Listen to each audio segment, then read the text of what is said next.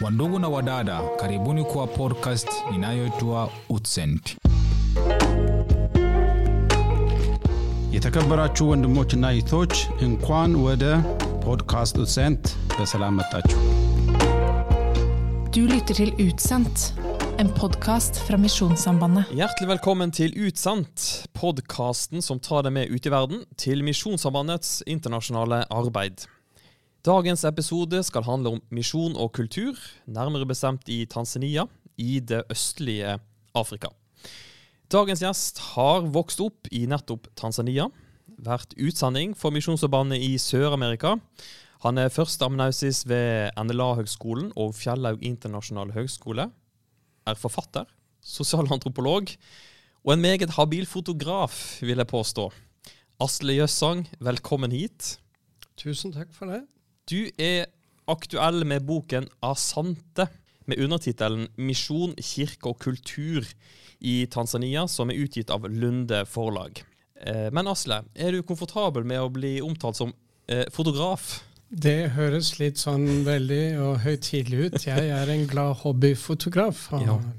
likt å stelle med det i alle år. Eh, Du er jo ja, åpenbart flink med ord, men, men er, er bildet også viktig for deg når du skal fortelle historier, eh, kulturperspektiv? Det er veldig viktig, for eh, det er med på å formidle noe som kanskje ord ikke så lett eh, kan formidle, angi en stemning osv. Og så er det blitt mer og mer viktig for meg å tenke litt sånn faglig rundt eh, det å fotografere. At Ja. man der skal representere noen. Og det må gjøres med verdighet og respekt. Eh, Marianne Gullestad er jo en sosialantropolog som for noen år siden eh, analyserte misjonsbilder okay. tatt av misjonærer. Ja. Og da avslørte hun at disse bildene ok, det er bilder, men de har en, en hensikt og, å bringe fram et eller annet. Og hun endte opp med å omtale mange av disse bildene som stakkarsliggjørende. Ja. Man skal synes synd på, man skal vekke engasjement osv. Og, Mm. og innen bistandssystemet så har jo det òg vært en tematikk, disse bildene av nødlidende mennesker osv. Så, videre. så Så det å prøve å bringe fram et alternativ, det, det syns jeg er veldig viktig. Din oppvekst i Tanzania, hva, hva, hvor mange år snakker vi om her?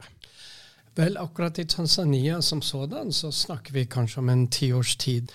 Eh, barneårene mine, og så flyttet vi over til Kenya. Så min ungdomsår var, var i Kenya, så jeg var omtrent ja, 19-20 år når jeg da kom tilbake til Norge.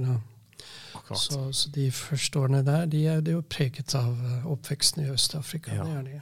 Du er en, en third culture kid. Ja, ja, det kan vel kanskje benevnes som noe sånt. Jeg har jo lyst eh, nå til å gi uh, lytteren en kortere oversikt over hvordan Misjonssambandet starta sitt uh, arbeid i uh, Tanzania. Det var jo tyskerne og amerikanerne som var de som starta det lutherske arbeidet i Tanzania, men måtte forlate landet som følger av første verdenskrig. Og Da sto det derfor et stort arbeid tilbake uten noe særlig ledelse. Og Da sendte de bud på andre lutherske krefter, og eh, svenskene var de som responderte. De hadde nylig blitt kasta ut fra Nordøst-Afrika og var på jakt etter et nytt arbeid. Og Den evangeliske Fosterlandsstiftelsen var de som tok eh, over arbeidet i Tanzania i 1938. Nærmere bestemt i Dongobesh, etter en invitasjon fra en lokal høvding. Eh, og Dette her kan vi jo lese masse om i, i, i boka di, Asle. Men fortell litt videre. Hva var det som skjedde med svenskene? Så kommer det til et punkt der de sliter med økonomi, og det blir litt sånn tynt i rekkene, og de trenger hjelp. Og eh, i 19, ja, nærmere 1950-1947, for å være helt så presis, så er det en eh, norsk predikant av alle ting som, som reiser rundt i dette området for å gjøre seg litt kjent av Fredrik Wisløff. Ja. Og han kommer i kontakt med disse svenskene og får litt nyss i, i dette at de trenger hjelp. Og det ender opp med da, at i 1950 så er det Misjonssambandet som han har da kontaktet, generalsekretær Tormod Vågen på den tida. Og så summa summarum så ender det opp med at Misjonssambandet overtar dette feltet til svenskene da i 1950. ja. Tok dere opp på generalforsamlinga da, eller hvordan var det? Nei, det tror jeg ikke det, det ble gjort. Dette ble bare ordnet over bordet. Sånn. Ja. Kanskje, kanskje disse lederne hadde sine fullmakter på mer sånn generelt grunnlag. Men det var jo på denne Mm. tiden hvor de aktivt letet etter nye innsatsområder Mm. etter at de var blitt kastet ut eller måtte forlate Kina, som Ja. var det store satsingspunktet til, punkt til misjon den gang. Så Misjonsforbundet kom inn i et slags vakuum da, på en måte i Tanzania? Ja, man kom inn i et vakuum på et vis, men samtidig da et arbeid som allerede var i gang. da, ikke sant? Eh, Svenskene hadde jo vært der i ti år og satt i gang et menighetsarbeid og fått noe opp å stå, som da misjonen kommer inn og overtar. Og Noe av det interessante her, det er jo da hvordan teologisk profil kommer inn. Ja. Fordi at eh, svenske Fosterlandsstiftelsen var litt grann sånn mer sånn høykirkelig anlagt. da, Og hadde begynt å få rutiner på gudstjenester og liturgi og prestedrakt og det hele. da. Dette ble jo kanskje den aller første utfordringen som Misjonssambandet måtte ta tak i. da. Og det skriver jeg jo en del om i denne boken, da, konflikten og alle disse disse litt sånn pussige omstendighetene i et sett i ettertid da, som, som dette genererte. Ja, ja for, har, for akkurat det der har jeg faktisk lurt på. at uh, Hvorfor eh, eh, kirkene som vi samarbeider med i Tanzania, hvorfor de har en så ikke høykirkelig struktur, men de har i hvert fall en veldig sånn kirkelig struktur med biskoper og, og prester. Og Misjonsarbeidet er vel kjent for en mer lavkirkelig, eh, et, et lavkirkelig ideal. Så, så de ble ikke veldig inspirert av den måten å tenke på, da? eller? Nei, det, det er litt mer sånn høykirke, det er litt mer seremonielle, formelle, liturgiske. Det passer veldig fint inn i afrikansk kultur generelt. Ja. Man har sans for det. ikke sant, Øvrigheter og litt sånn litt grann sånn pompøsitet osv. Og dette her med, med, med, med prestekjoler da, som, som, som handler om at en person er da atskilt lite grann, ikke sant. ja. Det, det inngyter respekt og tillit på en annen måte. Så, så dette her, det, det fikk eh, gode føtter å gå på, så å si, ja. i afrikansk kirkelig tradisjon. Men akkurat det du sier, det var litt spennende. fordi at, eh, Tenker du at eh, ikke lavkirkelig, men, men litt sånn flat struktur, at det er Altså det, det, det funker ikke i en afrikansk uh, kultur. At dette med at du har makthierarki med landsbyhøvding og sånn, at det, det, det, det passer i hvert fall den tanzanianske kulturen bedre da, enn, enn å tenke en flat struktur. Ja, altså i dette området i hvert fall. I andre områder i Afrika, f.eks. i Etiopia, så, så, så falt den lavkirkelige strukturen inn veldig, veldig heldig i en bestemt eh, kontekst i Etiopia. Så man må, se, man må se det veldig sånn lokalt og kontekstuelt. Og det nytter ikke heller å generalisere over hele Tanzania. Men akkurat i denne sammenhengen her så tenker jeg at den lavkirkelige strukturen egentlig ikke falt så heldig Nei. ut. Og misjonærene de ble jo fort oppmerksom på at, eh, at dette var en, en problemstilling som de burde ha tak i. Og mange tenkte som så at ja, men hvorfor kan ikke vi lempe oss litt etter disse forventningene som lokalbefolkningen har?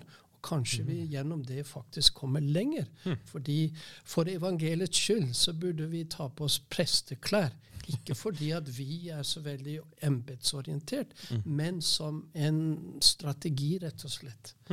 For evangeliets skyld. Men, men eh, dette ble veldig fort teologisert og problematisert, og misjonsledelse på den tida var litt sånn beinharde på dette her. At nei, selv om dette kanskje formelt sett er et type adiafora, det står jo i lutherske bekjennelsesskriftene at her kan den lokale kirken ordne seg med praktiske innretninger som fungerer i en lokal kontekst. Og gjennom nettopp det så burde jo for så vidt misjonen vært, vært litt sånn uh, løssluppent eller tillatt. Men det gjorde man ikke. Det ble et stort problem. Først i lang, lang ettertid. Uh, vi nærmer oss da 2000-tallet. Så begynner dette å få en sånn klarering. Akkurat. Nemlig at, at misjonen innser at her er det tross alt noen ting som er viktigere enn noe annet. Og for evangeliets skyld så kan til og med NLM-prester bli ordinert som prester og ta på seg presteklær i f.eks. Mara-området, da, som var det der nye feltet Mm. som NLM kom inn i etter hvert. da. Ja. Til alles glede og, og allmenn velsignelse. Mm. Og da, den generalsekretæren som da er inne i bildet her, nemlig Ola Tulland, liksom, han inntar da en klar sånn pragmatisk holdning til et spørsmål som ikke trengs å overteologiseres, som jo var tendensen til en stund. Men la oss zoome enda litt ut nå. For uh, når kom de første vestlige misjonærene til uh, det afrikanske kontinent? Og hadde det noe med europeisk kolonisme uh, å gjøre? De aller første misjonærene de kom jo inn i, i sørlige Afrika via den der europeiske bosetningen av det sørlige Afrika. Ja. Men generelt sett så snakker vi vel fra midten av 1800-tallet. Ja. Og nå tar vi dette med en litt sånn ja. eh, generelt overblikk, da. Mm. Med, med variasjoner her og der, da. Men, men generelt fra midten av 1800-tallet inn mot 1900-tallet, og så utover fra 1900-tallet. Det er en, er hundreårsperiode der hvor vi virkelig kan snakke om et trøkk Mm. med misjonsinnsats da, som sprer seg over store deler av Afrika sør for Mm. Sahara. da. Og som du sier, så, så er det jo ikke til å se bort ifra at dette har noe med kolon, europeisk kolonisering å gjøre, i den forstand at, at eh, kolonimyndighetene åpnet opp det afrikanske kontinentet rent sånn praktisk, Mm. med å gi tilgang til områder Ja. som? Og interessen for Afrika generelt eh, økte jo i styrke i Europa ettersom man ble mer og mer kjent med dette kontinentet da, via disse her kolonisystemene da, som, Mm. som kom i gang. Blir det riktig å si at på en måte misjonærene spilte på lag med kolonimaktene, eller? De nøyt vel i hvert fall godt av kanskje infrastruktur, og, eller var det misjonærene som bana vei for kolonimaktene? En, en veldig viktig aktør tidlig i denne fasen var David Livingston. Ja, sant. denne oppdagelsesreisende som også var misjonær. Og han ble jo en kjendis i Europa. Og han har tydelig vært en veldig viktig inspirasjonskilde her.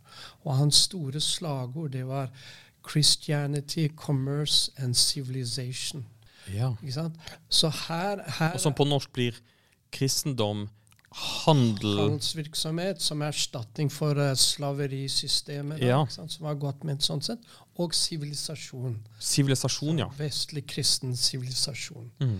Så det er klart at kolonimyndigheter og misjonsvirksomhet, de, de to tingene der de har, om det ene kom før det andre her og der, det får nå diskuteres, men, men generelt sett så hadde disse to god bruk for hverandre, ja. og sånn sett samarbeidet i anførselstegn. Mm. Kolonimyndighetene de måtte jo portrettere sitt arbeid som et sivilisasjonsprosjekt. De kunne ikke gå rundt og snakke om at ja, vi er i Afrika for å plyndre og utnytte og utbytte osv. Nei, det var for å sivilisere. Det var liksom den formelle, offentlige historien. da.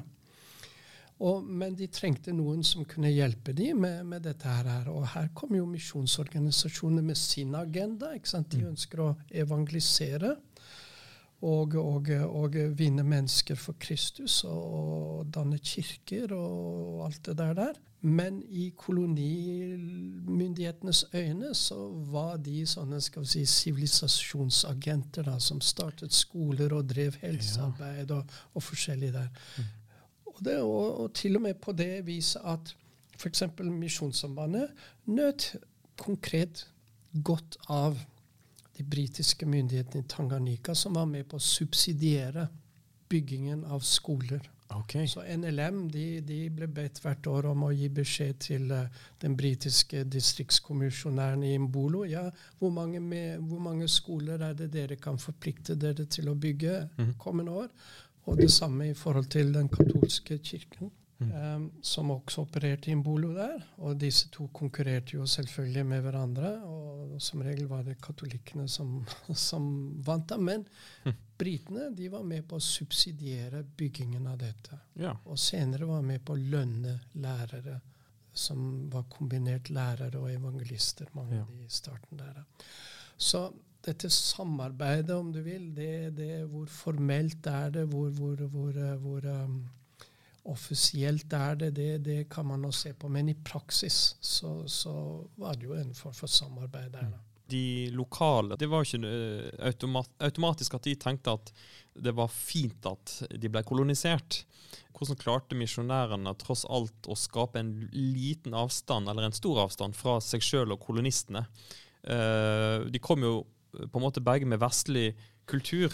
Hvordan holde den balansen med Ja, altså Dette samarbeidet med kolonimaktene virker jo som en litt sånn en vanskelig øvelse. Det er det. Det er det. Um, når det gjelder Tanzania, Mm. så må vi nyansere litt, faktisk. fordi at uh, selv om vi gjerne omtaler generelt i dag uh, britene som kolonister, Ja. formelt sett så var de faktisk ikke det. OK. Fordi at uh, Tanganyika, som det het den gangen, i en tidligere fase så het det Tysk Øst-Afrika. Da var det en tysk koloni. Tyskerne kom dit på 1800 eh, ca. 1884-85. Ja. Men da de tapte første verdenskrig, så ble de kasta ut av alle sine kolonier rundt omkring i verden Ja. som en sånn type straff da, for å ha tapt første verdenskrig. Mm. Og fra da av så kommer britene inn og gjerne ønsker å gjøre et Tanganyika om til en koloni, slik som i Kenya og andre steder. Men det internasjonale forbundet, da, som var forut for dagens FN, Mm. med sete i Genéve på den tida, de var ikke interessert i mer kolonisering fra, fra, fra, fra, fra britene. USA var veldig sterke på det. President Wilson på den tida. der. Mm. Veldig på det. Men de skulle få lov til å forvalte Tanganyika. Administrere Tanganyika som et mandatområde på vegne av den lokale befolkningen, som jo fortsatt ikke var modne nok til å styre sine egne saker. da. Og Man så for seg at dette her ville gå lang, lang tid. ikke sant? 50-100 år ville man være der. Inntil afrikanerne var, var dyktige nok til å overta sjøen. Betingelsene var da at britene skulle administrere dette området, men å respektere likevel lokalbefolkningen på en annen måte. Så respekt og respekt. altså De, de holdt seg unna en del. De kunne ikke bare ta seg til rette og ta landområder, slik som de hadde gjort i Kenya f.eks., hvor situasjonen var mye mer tilspisset. Men likevel administrere på vegne av Det ble veldig mye sånn formyndersk da, ovenfra og ned. ikke sant, Vi vet best, osv. Og, og du spør om misjonærenes um, plassering inn i et sånt bilde. Ja, det, det, er, um, det er et godt spørsmål. Nettopp fordi at, det- at, at uh, det generelle klimaet kolonistiske kan vi si, kolonistiske klimaet i Tanganyika ikke var så hardt som i Kenya. Så Altså folk hadde det bedre ja, og, og, og eh, britene, selv om de var litt formynderske, så tok de seg ikke til rette og skapte sånne konflikter og sånne Akkurat. vanskelige situasjoner for lokalbefolkningen, som i Kenya, ikke sant? hvor du hadde Mao Mao-opprør og alt Ja. der, her. Ikke sant?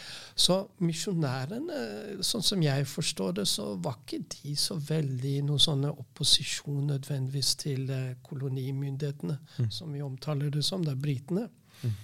Og, og britene var jo på sin side også litt interessert i det å, å videreutvikle Tanganyika. Bygde veier og vanndammer og, og helseposter osv. Og så da hadde misjonsorganisasjonen i forlengelse av det, da, ikke sant? for å utvide dette nedslagsfeltet da, med, med, med, med hjelpetiltak. Men så er det en viktig ting her å, å også ta med i dette bildet, her, nemlig holdninger. Professor Torstein Jørgensen um, på Misjonshøgskolen i, i Stavanger Ja. for noen år tilbake har jo skrevet en del om dette som er litt sånn interessant og tankevekkende, tenker jeg. Og det er at kolonisystemet her i Europa var jo generelt med på å utvikle en slags overlegensholdning. Ja. Overlegenhet at vi i Vesten, vi europeerne, vi er de siviliserte. ikke sant? Det var en del av dette, dette opplegget. Og den tankegangen der, den har nok smittet utover. Og også inn i kristne kretser, Ja. um, skriver Torstein Jørgensen om. da. Ikke sant? At disse stakkars hedningene altså Begrepet hedningene det var ikke bare en sånn, en sånn formell betegnelse, Mm. men dette var mennesker som levde i mørket også kulturelt sett. da, ikke sant?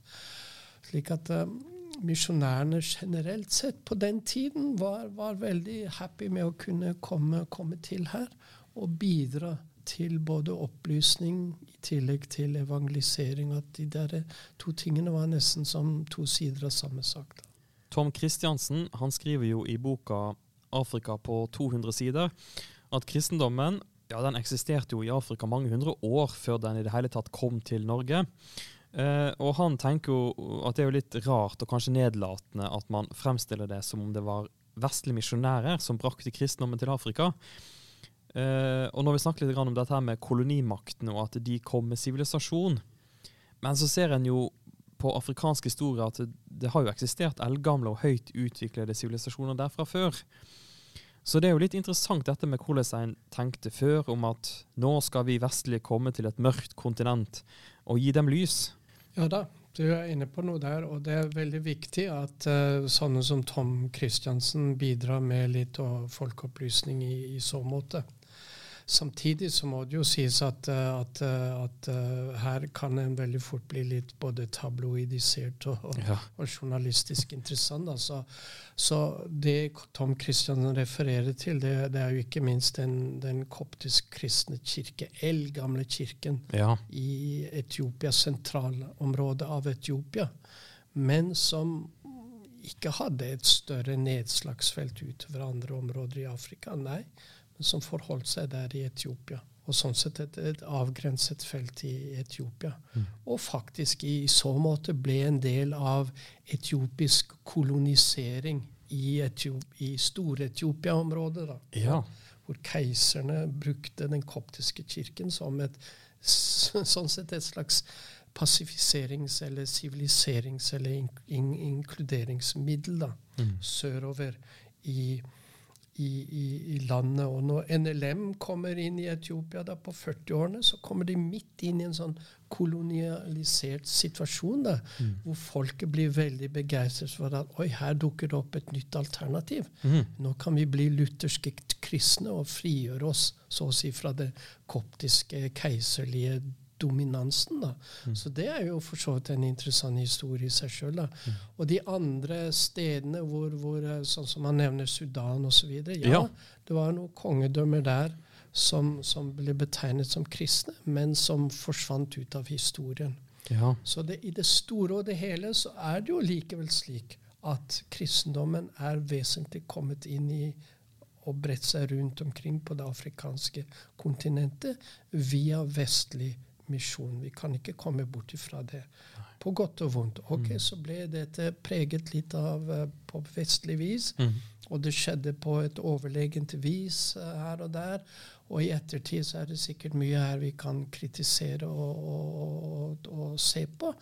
Men vi må, sånn som jeg sier i min bok, i hvert fall, altså vi må forsøke å, å, å ta med to ting her. Det ene er ja, å se på en historie ut ifra våre blikk i dag. Da er det nok et og annet vi kan ta med oss av, av innsikter og kunnskaper for å forsøke å gjøre ting annerledes i dag. Men likevel så må, skylder vi å respektere de som den gang forsøkte så godt de kunne å drive et misjonsarbeid preget av sin tid ut ifra de premissene som gjaldt den gang. Professor Åre, Åre er ikke det han heter? Han historieprofessoren i, i Bergen som døde for noen år siden. ja. Frank Åre Brott som sa at vi må ha et, et, et proaktivt blikk og så et retroaktivt blikk. Altså, begge disse perspektivene hører med i en forsøksvis nyansert analyse av et historisk forløp. Der. Ja, enig. Og, og, og det er klart at Tom Christiansen han, han forsøker jo på noe umulig her med å, å beskrive Afrika på 200 sider. Så det blir kanskje fort tabloid. Men, men litt sånn apropos eh, dette her med, med misjonslitteratur. Uh, dette her med å dyrke heltehistorien syns jeg er litt interessant. Uh, dette her med å løfte fram hvite europeere som da brakte evangeliet til Afrika. Eh, og, eh, og, og vi kan kanskje kalle det for en tradisjonell eh, misjonslitteratur, men, men, du nevnte Livingston her for eh, litt siden. Eh, og jeg har jo i, i bokhylla mi mm -hmm. så har jeg jo en sånn eh, bok jeg fikk av min far. Eh, 'Livingstone oppdageren, forskeren, misjonæren'. Eh, det er ei bok eh, som er skrevet i 1959. Fikk førstepremie, faktisk, i en biografikonkurranse. Eh, og, og her er forordet sånn. Få personer har som David Livingstone kunne inspirere ungdommen til edel dåd og oppfrelse.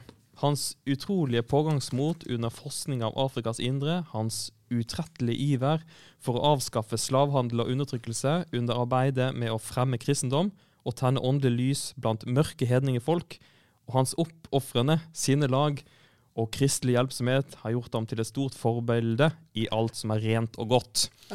Så det, det er jo det er en voldsom eh, fin beskrivelse av, han, og jeg husker jeg leste den da jeg var yngre og bare tenkte Livingstone, altså. Han var eh, Det er en, en troshelt og virkelig en, en fyr til etterfølgelse. Den bærer jo kanskje litt preg av tida han ble eh, skrevet i. Når jeg gikk på videregående, så skrev jeg altså særoppgave om eh, Madagaskars første misjonær, Mm. Eh, Peder Eilert Nilsen Lund, eh, som var på Madagaskar på 1880-tallet.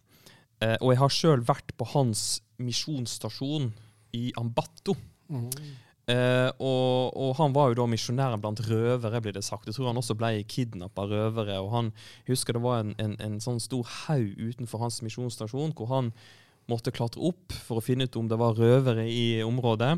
Og så prøvde han å, å, å finte de ut ved å dra en annen vei. Og så, det var mye sånn som jeg som eh, Jeg var jo en, en, liten gutt på dette, på dette tidspunktet.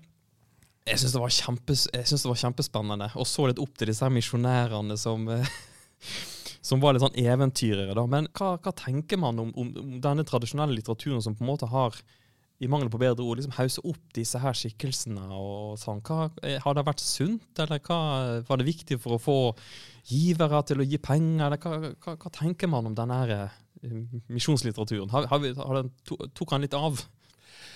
Den, den tok nok litt av, da, men, men den fungerte. Den hadde sin funksjon. Den skapte iver eh, rundt begrepet misjon, og, og fikk, fikk Ja, den, den skapte iver, og den skapte varme hjerter. Og jeg har sjøl lest mange av disse her biografiene i min tid og blitt virkelig ivrig og, og, og sånn så må vi i dag se at ok, sånn var det den gangen, eh, men nå er verden blitt annerledes. Vi lever i en globalisert tid. Tyngdepunktet, kristendommen, er ikke lenger hos oss. Nei. men kanskje i Afrika. Og nå bør vi kanskje gjøre ting litt omvendt. Afrikanere de brenner etter å komme til Europa for å drive misjonsarbeid, for å hjelpe oss. Biskopen i Mbolo, f.eks., han, han snakker om legeme. Ikke sant? Så Ja. er det lemmer på dette legemet som fra tid til annen er sykt, og da må de andre komme til og, og hjelpe til. ikke sant? Og eh, det syke lege, lemmet på legemet nå, det er Europa, og ikke Ja. Afrika nødvendigvis. Hm. Og de ønsker å gi noe tilbake, også fordi at det der å bare være på mottakersiden, mottakersiden som de har vært i alle år, det er litt ydmykende, det. Hm. Og det går litt på selvtilliten og selvrespekten løs. Og nå ønsker de å, å rette litt opp på det, også ut ifra sånne, sånne årsaker. Da. Ja. Men ikke minst bekymring for kristendommens stilling som taper seg i vår del av verden. Mm. Så nå trenger vi en annen type litteratur, kanskje, som kan hjelpe oss til å løfte blikket og se større, større perspektiver her, og få noen nye helter. Nye helter. mm. Ja. Eh, Veldig, veldig fint. Eh, hvis vi går litt grann, eh, videre til eh, eh, Jeg syns det er jo veldig Du er jo sosialantropolog. Eh, det er fantastisk spennende å ha det med i denne podkasten og kan gi litt nye perspektiver. Men, men, men jeg, har lyst til at vi nå skal snakke litt om altså, kulturens rolle i misjonsarbeidet. Det syns jeg er kjempespennende. Og jeg antar jo at det er så mye rare ting som har blitt gjort, fordi at man rett og slett ikke har forstått kulturene, selvfølgelig, men også har kanskje misforstått litt grann, eh, rundt dette her. La oss ta noe du, du nevnte i boka med selvfølgelig at misjonærene kommer med en vestlig bagasje. Og så, og så var det Du nevnte at, at, det er utfordrende når man kommer med en, en tanke, eh, f.eks. til Tanzania. Eh, og så er det da eh, en, en fleretnisk sammensetning. Du har Jeg vet ikke hvor mange eh, stammesamfunn det er i Tanzania, men her er det i hvert fall mange, mange folkegrupper. Og så kommer man ned dit, og så tenker man at man har ett budskap med ett prosjekt. Og så skaper man masse utfordringer rundt det. Og det handler jo i stor grad om kulturforståelse, kanskje, men også litt sånn eh, Man er sammensatt på helt annen måte enn vi kanskje er vant med i vår vestlige verden. da. Nei, Det jeg tenker, det, det er for det første å gjøre en analyse av hvordan tilstanden var den gang som du er inne på, så tok man ikke hensyn til lokal kultur. Mm. Og at lokal kultur var mangeartet. Man kom inn i et område med ulike måter å leve på. Dette er jordbrukere, kvegfolk, jegere og sankere. Ja. Ulike språk, ulike forståelsesformer, ulike skikker osv. Og, og man tok ikke noe hensyn til det ene eller det andre, men kjørte en sånn standard eh, misjonsstrategi som skulle gjelde alle. Alle trenger Kristus. ikke sant? Mm.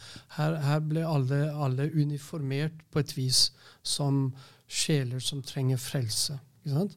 Og hva de ellers var, det, det, det, det tok man ikke hensyn til. og knapt nok visste noe særlig om. Mm. I hvert fall ikke inkluderte dette som en, eh, et element i, i, måten å nærme seg dette på. Så det Paulus sier, jøde for jøde og greker for greker, det, det ok, det sto i Bibelen, men, men, men var, var, latent. altså Det var ikke aktivert. Type kunnskap, det. Mm. Så det var litt sånn premissene den gang, da, mm. for, å, for, å, for, å, ta det ta med det også. Ja. Det var premissene den gang. Mm. Altså Nå snakker jeg om mine egne foreldre, jeg snakker om mine svigerforeldre, mine besteforeldre i Kina. Så hvem sitter jeg her og kritiserer? Jeg er veldig opptatt av de gjorde det de gjorde. De hadde et sterkt kall for å gjøre det de gjorde, men de var liksom fanget inn i det som var normen og ideen der. Mm. Litt sånn overskygget av den her vestlige overlegenheten som, som var nokså gjengs rundt omkring. Ja. Ja? ja. Mm. Men heldigvis så er vi jo kommet dit hen, vil nå jeg si, da, at, at, eh, vi har fått noen utfordringer inn i, inn i dette misjonslandskapet vårt. Uh, fra USA, fra, fra, England. En del sånne misjonstenkere der som har kastet rundt på oss da, og gjort oss oppmerksom på at hallo, samfunn og kultur, det er i utgangspunktet noe Gud har ordnet med. Hmm. Det er noen ordninger som Gud har gjort noe med, ja. og da sikkert med en hensikt. Og, eh, og, og nå, nå, blir dette synliggjort på en helt annen måte enn tidligere. At dette er aktive faktorer i menneskets liv. Gud ønsker at dette skal være strukturer og ordninger som gir gode, levelige liv. Folk kan få leve i trygghet og kjenne på tilhørighet, omsorg osv som et utgangspunkt. Ok, vi lever i en syndig verden, og alt dette her er ufullstendig og ufullkomment, og av og til kan det virkelig ta av i, i virkelig dramatiske og uheldige retninger? Mm. som vi ser gjennom historien. Men som lutherske bekjennelsesskriftene fra 1500-tallet mm. egentlig har, har stadfestet at selv om lover er laget av hedninger, så er de en del av Guds gode ordninger. Men disse tingene har vi dessverre ikke, var man dessverre ikke opptatt av den gang. Men som sagt, nå begynner vi å gjenoppdage dette mm. og ser at dette faktisk er aktive forhold som vi må forholde oss til. Ja.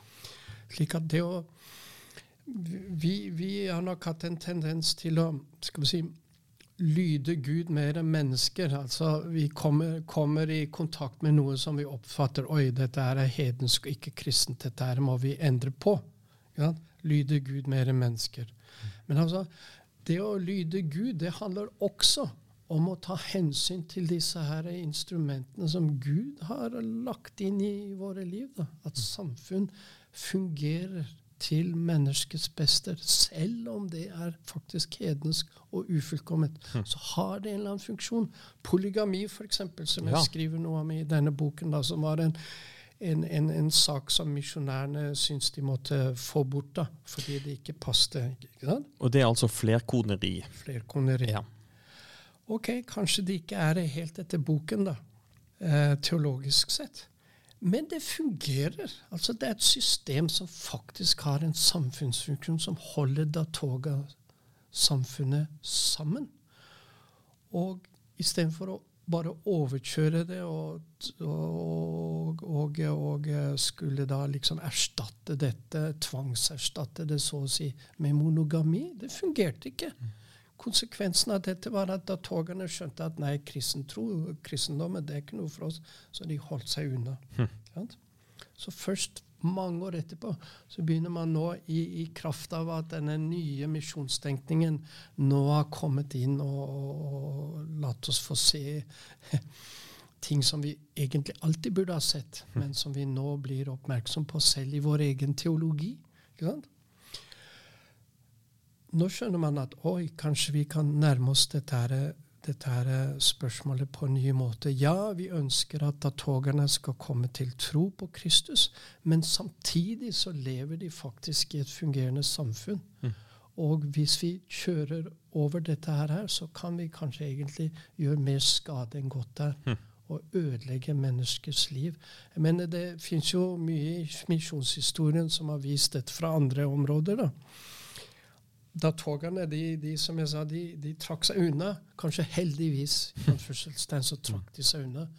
I andre sammenhenger i Afrika så, så greide misjonærene faktisk å få bukt med polygami.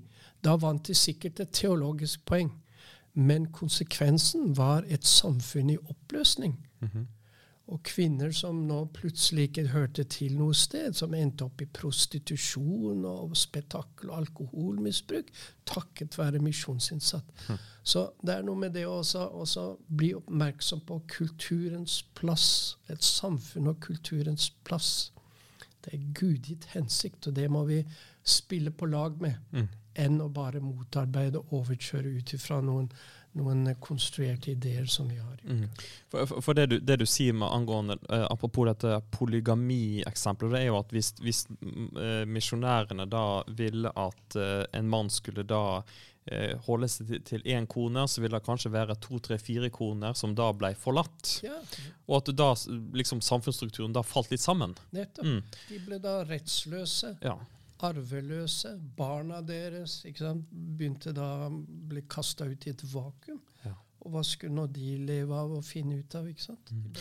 Men, men jeg, har, jeg har jo eh, eh, vi har jo eh, også litt sånn tilsvarende eksempler i, i, i Elfenbenskysten blant maofolket, som også har en, eh, en eh, polygamisk kultur, kan man si det? Ja. Mm. Eh, men der har man, sånn som jeg har forstått det, så, så, så vil man jo på en måte altså Man streber vel mot et monogamt samfunn, og at man på en måte har eh, sagt at det skal være en, over, en overgangsfase. Men det høres jo Ja, altså, hva tenker du om, om altså, er, det, er det også veien å gå med liksom at nå, nå, nå skal vi ha en, en, en tid hvor man skal introdusere eh, monogami, og så skal man forme det dit, eller skal man bare tenke at nei, men flerkoner, polygami, det er det som fungerer her, og det er sånn det alltid har vært, og altså, skjønner du? Ja, selv om ting fungerer, Mm. så er det jo ikke sikkert at de, de, um, de er normativt riktig ut ifra et kristent ideal. Mm. Så jeg tror nok at vi, vi, vi må ikke tappe det av syne at, at hele tiden så må vi likevel sikte mot et ideal. Ja. Sånn som monogami er i vår forståelse. Men veien dit det er et ordtak i Tanzania som jeg liker veldig godt, som sier som så at vei, den korteste veien til fjelltoppen går i sikksakk. Ja. Så her er det en, en prosess på gang, som du er inne på. En overgangsfase der man kanskje må gå litt sånn skrittvis til verks. For går man for raskt opp, så blir man trøtt? Nei, så mister Ja. man kraft, eller? Mister man kraft Fantastisk. og, og Ja. Og kanskje man kommer egentlig til fjelltoppen, faktisk, ved å ta den tida det trengs å Ja. gå i sikksakk. Så. Så, så denne overgangsfasen, og hvordan skal den være, og hvordan skal den se ut, og hva skal gjøres først og sist osv., Mm. det er jo et nokså komplekst uh, spill. Mm. Men her da kom jo f.eks. kan jo antropologi komme inn som et hjelpemiddel til å faktisk å analysere og se hvordan ting henger sammen. Mm. Hvordan polygami er en del av økonomi, er en del av politikk, er en del av sosial organisasjon, arvesystem, allianse, ekteskap og alt det der. der ikke sant? Og så sammen med, sammen med Det er jo noe av poenget til disse her misiologene fra USA som jeg er inne på, f.eks. Paul Hebert, da, en Ja. av disse kanonene, som da har påvirket oss i, i å se nye ting her. ikke sant?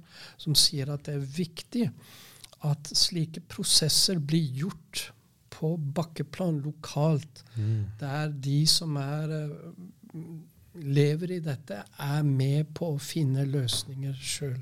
Det er ikke vi som må komme utenfra, som, som skal da lage en oppskrift som, som kjøres gjennom her.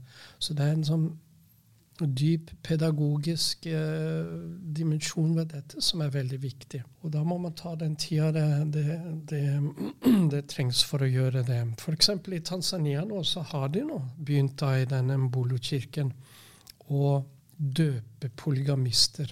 Ja. At ok, de kommer til tro, og de kan ikke noe for at de ikke liksom visste bedre, sånn kristelig sett, da. Mm. uh, før dette her. er. Men de er formet ut ifra sine forutsetninger, akkurat som vi er. Og, men de er kommet til tro, da. Og så tenker man som så at de, de må få lov til å bli døpt med hadde nær sagt hele sitt hus. Men i neste generasjon så må man forsøke å, å, å trekke dette i en sånn monogam retning, da. Men det kan jo være krevende nok, det. Fordi at, eh, at kvegfolkene her, da, de har jo store nettopp da, kvegflokker. Ja. Og de trenger masse arbeidskraft her og bygge allianser til andre her. Og polygami har jo hatt den funksjonen å skaffe kvinner fra andre familier, og gjennom det da skaffe seg samarbeidspartnere og alliansepartnere. ikke sant? Um, når man da sprer disse kvegflokkene over store områder. Men um, hvordan skal en ny generasjon overta alt dette her? Det kan være utfordrende nok, da. Men når noe da blir faktisk adressert, så er det ikke grenser for muligheter som kan dukke opp der i finne løsninger. Ja. Det, er jo, det er jo sånn at uh, misjon har vel blitt, uh, blitt anklaget for å være litt sånn kulturimperialistisk, i hvert fall før i tida. Og, uh, og dette her med at uh, Kan man bli for kultursensitiv også? For det er jo noen skikker og, og tradisjoner i kulturer som, som rett og slett er Altså dette her med det, det er åpenbart, da, men sånn som på, på Madagaskar, hvor man kan sette ut småbarn for å dø fordi de er født på en feil dag. ikke sant? Du har ting som på en måte Dette her må vi bryte med med en gang. Så, så liksom sånn Det er, det er jo eh, ja, Det er kanskje litt sånn gradsforskjell på hva som man, man tenker at dette her kan vi ikke leve med.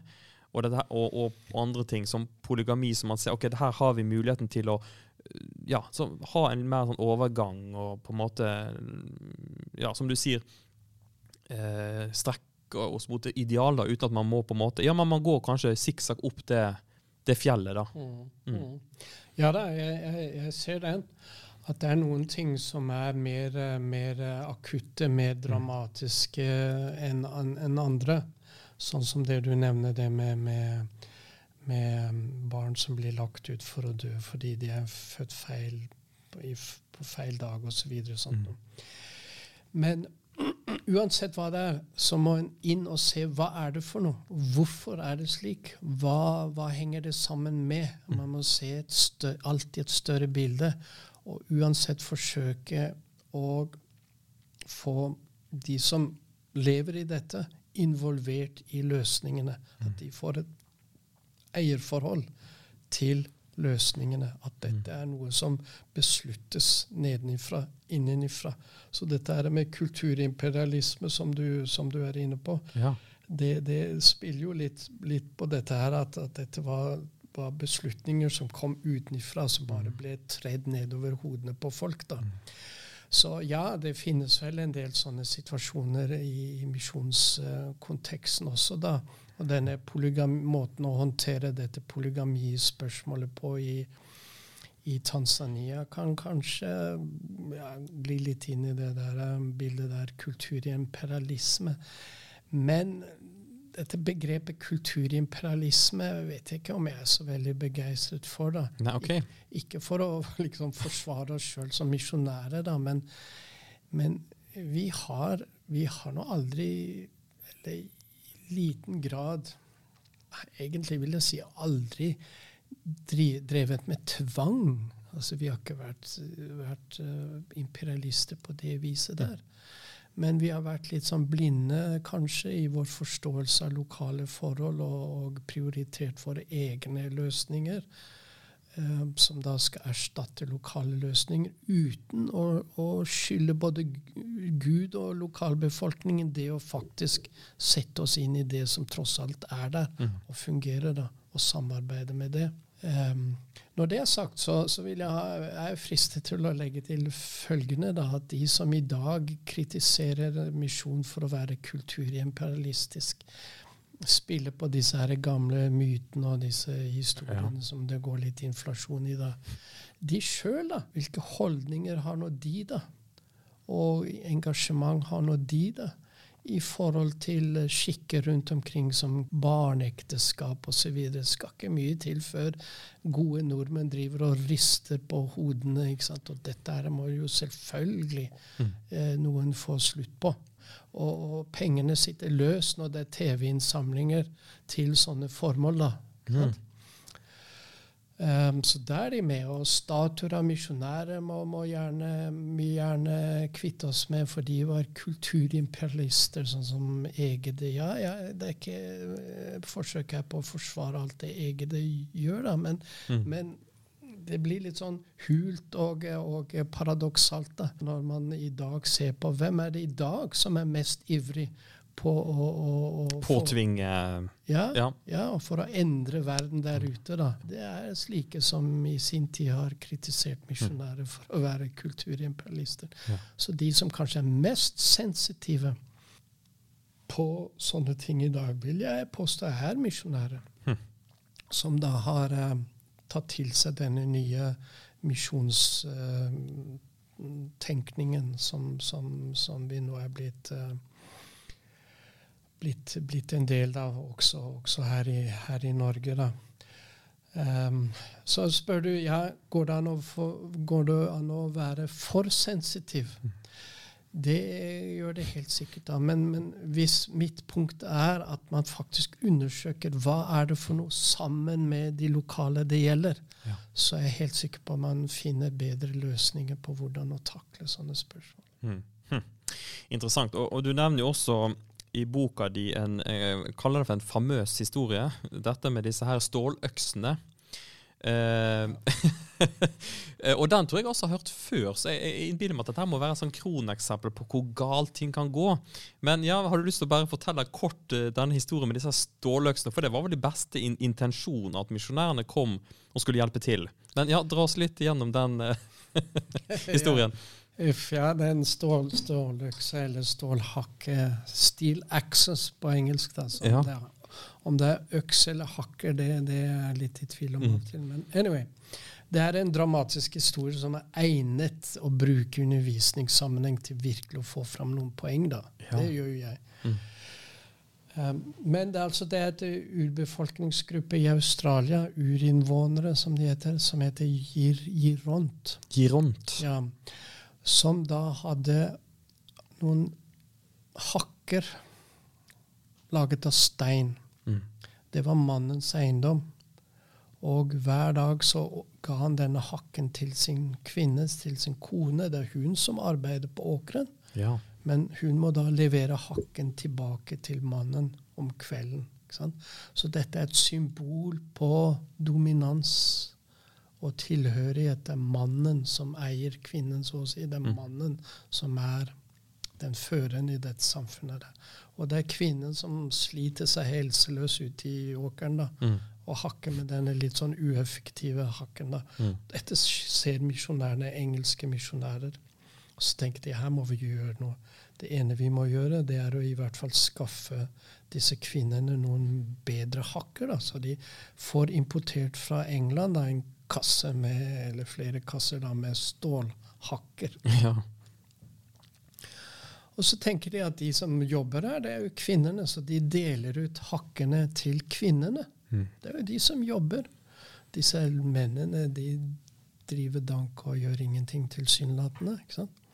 Så dette her ut ifra et vestlig perspektiv så høres jo dette nokså rasjonelt og greit ut. da. Mm. Men det der, er der, det setter i gang en prosess som ender opp med at dette samfunnet går fullstendig i oppløsning. Mm.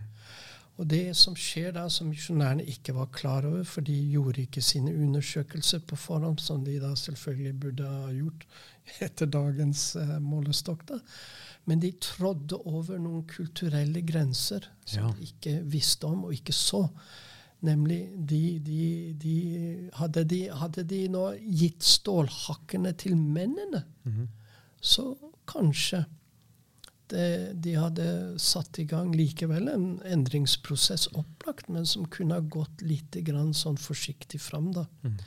Men de, de, de, de satte i gang en, en kjønnsrollerevolusjon ja. som samfunnet som sådan ikke var klar til å ta imot, så å si, Mm. og håndtere. Så disse mennene ble fullstendig overrumplet, fullstendig avskiltet. ikke sant? For nå, nå, nå uh, trengte ikke kvinner gå til sin mann for å få redskap. Nå hadde de liksom Nettopp. superhakka. Ja, nå Ja. hadde de superhakka Mm. egen eiendom. Mm. ikke sant? Så, så autoritetssystemer, hierarki, kjøn, kjønnsrollemønstre osv. som lå der, det ble fullstendig overkjørt i et nu. Og religionen ble utfordret, for religion, deres, deres eh, religiøse forståelse, legitimerte disse her steinhakkene. Ja. Så steinhakkene de, de var der fordi gudene hadde bestemt at sånn skulle det være. Sånn må det alltid være. Så her skjedde det også en sånn overkjøring av religiøse forestillinger. Så altså, dette samfunnet her var ikke robust nok til å tåle dette her enorme trøkket som kom. Så det falt sammen, rett og slett? Det falt, falt rett og slett sammen. I dag er det borte for lengst. Ja. Takket være en velmenende, Ja. men skal vi si litt sånn forblindet misjonsinnsats. Ja. Mm. Ja, nei, jeg ser godt at eh, det der er en, eh, en, en holdt på å si en god historie for å fortelle litt om hvor, hvor galt det kan gå, rett og slett. Og dette som du sier, å ha gjøre undersøkelser med lokalbefolkningen. Hvorfor er det sånn? Hvis vi har lyst til å forandre noe, da må vi ha folk med oss Mm. på den uh, Ja. Og gå litt sånn forsiktig og musikalsk til verks. ja.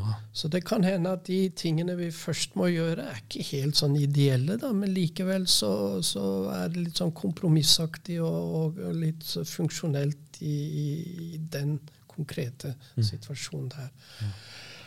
Make haste slowly. Det er en eh, tittelen på en bok som jeg syns er litt uh, talende her. Make haste. Ja, vi ønsker Vi, vi har noen målsettinger. Vi, vi vet hvorfor vi er kommet. Men make haste slowly. Den er å gå i sikksakk. Det fører fram til målet. Sant. Du, nå har vi prata lenge. Veldig interessant, men jeg har lyst til at vi skal fortsette bitte litt til eh, med eh, det som vi kaller for vennskapsfasen. Eh, nå har vi jo snakka mye om ja, egentlig om, om Tanzania, eh, og, vi, og vi kan jo eh, si det sånn at nå er det jo på mange måter slutt for Misjonssambandet i Tanzania.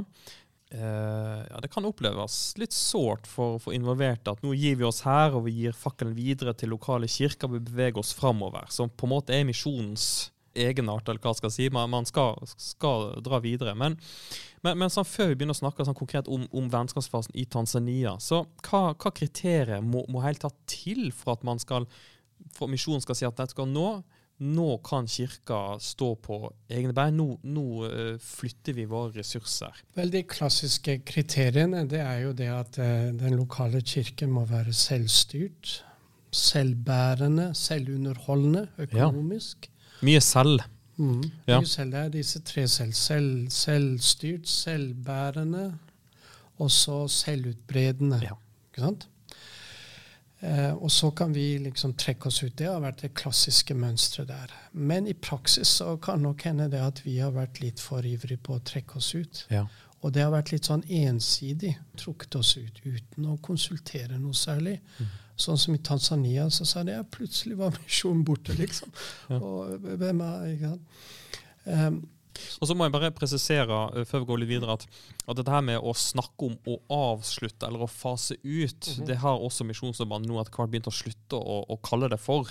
Og, og man har introdusert mer begrep om vennskapsfase, Ja. som høres litt mer uh, finere ut, da. ja, ja. Så spørsmålet er om, om Ja, men fortsett. Ja da.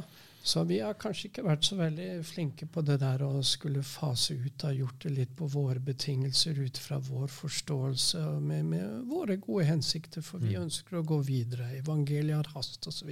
Mm. Men kanskje har det blitt litt for, for hastig her. Fordi at de lokale kirkene, ja, de, de, de, um, de er blitt selvstyrte, selvunderholdende, de i en viss grad selvutbredende også. Mm. Men det er ikke så lett heller for en lokal kirke å, å bli selvutbredende og drive misjonsarbeid inn i et nytt område, selv om det er i deres eget land. Mm. Dette er nye folkegrupper, nye språk, og det er mye, mye vanskeligheter ute og går mellom ulike folkegrupper, etniske konflikter osv. i en del lokale land. Da, hvor det kanskje var mye lettere for noen helt utenforstående å komme inn og sette i gang og fasilitere noe osv. Og så ikke minst så tenker disse kirkene relasjon og Kristi kropp på en helt annen måte enn vi gjør. Ja. Ja, De ønsker å ivareta en relasjon. Sånn som biskop Benimbolo sier. Ja, vi er selvstendige, vi greier oss sjøl sånn sett, men, men dere er våre fedre. Og det er ikke det at vi er avhengig av dere som våre fed, deres fedre, men sånn er det i en familie. Mm. foreldre og barn de opprettholder en relasjon livet gjennom. Og vi er en del av Kristi kropp. sant? Og hvis vi nå ser dette mer i en sånn global kontekst, da, hvor det er en flyt av mennesker på kryss og tvers ikke sant? Så, så det der gamle bildet der om at vi sender ut, og de mottar, det, det, det begynner å bli kullkastet av også strukturelle grunner. Vi lever i en globalisert tid, og det må vi la oss inspirere av på en, på en annen måte og, og utnytte på en annen måte. ja. Pluss at det, det er det er noe, noe viktig her å også se for seg å tenke. Nemlig som kristne mennesker så må vi ikke komme dit hen at vi tror at det er bare vi. Vi må la oss inspirere av andre. Vi må ta til oss av innsikter som andre har. Vi er aldri utlærte. Vi må holde oss ydmyke og åpne overfor inntrykk fra, fra, fra Vi må ikke være oss sjøl nok. Ja. Og som sendeorganisasjon, vi i NLM Misjonssambandet har jo fokus på at vi skal sende, og det er noe fint og riktig med det. Mm. Men det må ikke være, komme dit hen at vi ikke kan være mottakelige for inntrykk som andre ønsker å gi oss. De ønsker å gi noe tilbake, også for å opprettholde et bedre selvbilde og en selvforståelse. De ønsker å gi noe tilbake til oss. Og det er spørsmålet er vi villige til å motta noe fra andre. For Du nevner jo litt i boka dette her med giverforhold. At uh, man, man, man, vi har vært uh, i lang eh, tid givere. Men, men at for at det skal være et gjensidig vennskap, så må også eh, de også gi tilbake til oss. Og, og da tenker jeg litt sånn Hva kan de gi tilbake? For vi, vi eh, har jo tradisjon for å sende misjonærer dit. eh, kompetansebygging, god på organisering, økonomi osv. Hvil- Hvilke gaver bør vi ta imot? De kan eh, gi mye på et mer intimt og dypere gudsforhold, f.eks. Ja. Vi i vår del av verden er blitt nokså sekulariserte. Hm. Gud har fått mindre og mindre å gjøre i våre liv, egentlig, selv om vi definerer oss som som kristne. Så sekularisering den, den, den, er lett å ta avstand fra sånn teoretisk. Men i praksis mm. i praksis så er vi nokså sekulariserte. Det er et viktig poeng hos Paul Hebert, f.eks. Og, og, og de, kan, de, kan, um, de, kan, bidra til et fornyet og fordypet gudsforhold gjennom forkynnelse og også undervisning, hvis de fikk lov til å slippe til her. Mm. Så jeg ser for meg f.eks. helt konkret en, en predikant fra, fra, fra Tanzania for eksempel, som får uker og måneder på seg til å reise litt rundt i Norge og besøke forsamlinger og ha seminarer og kurs. Og ikke bare komme der med en liten hilsing og bli avspist med, med fem minutter.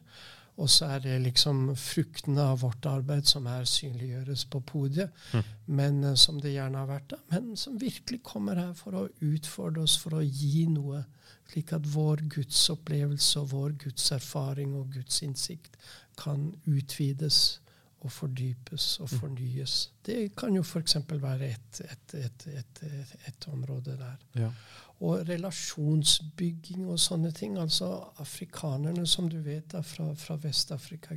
De har en helt, annen, en helt annen type måte å være sammen på. Altså Ensomhet er jo et av de store hm. problemene i, i vårt samfunn i dag i Norge. Men også innen kristne kretser så er det paradoksalt nok mye ensomhet. Mye alenehet. Mm. Og det å bygge varme, gode forsamlinger, ikke bare i åndelig forstand, men også i sosial forstand. Og det ene liksom påvirker litt det andre. Det her kan afrikanerne helt sikkert mm. hjelpe oss. Eh, når det gjelder sånn, sånn, sånn formelt, da, så, så har jo eh, Misjonssambandet, når man inngikk denne vennskapsfasen, som jeg egentlig har inntrykk av at det var biskopen i Bolo som på en måte tok litt initiativ til. Men, men eh, det ble i hvert fall skrevet, har vært skrevet en avtale der man på en måte legger noen sånne forventningsavklaringer inn i. Litt sånn eh, ja eh, Løfte om kompetansedeling og litt sånn som man har. Så det er på en måte en slags formalitet rundt det også. Mm.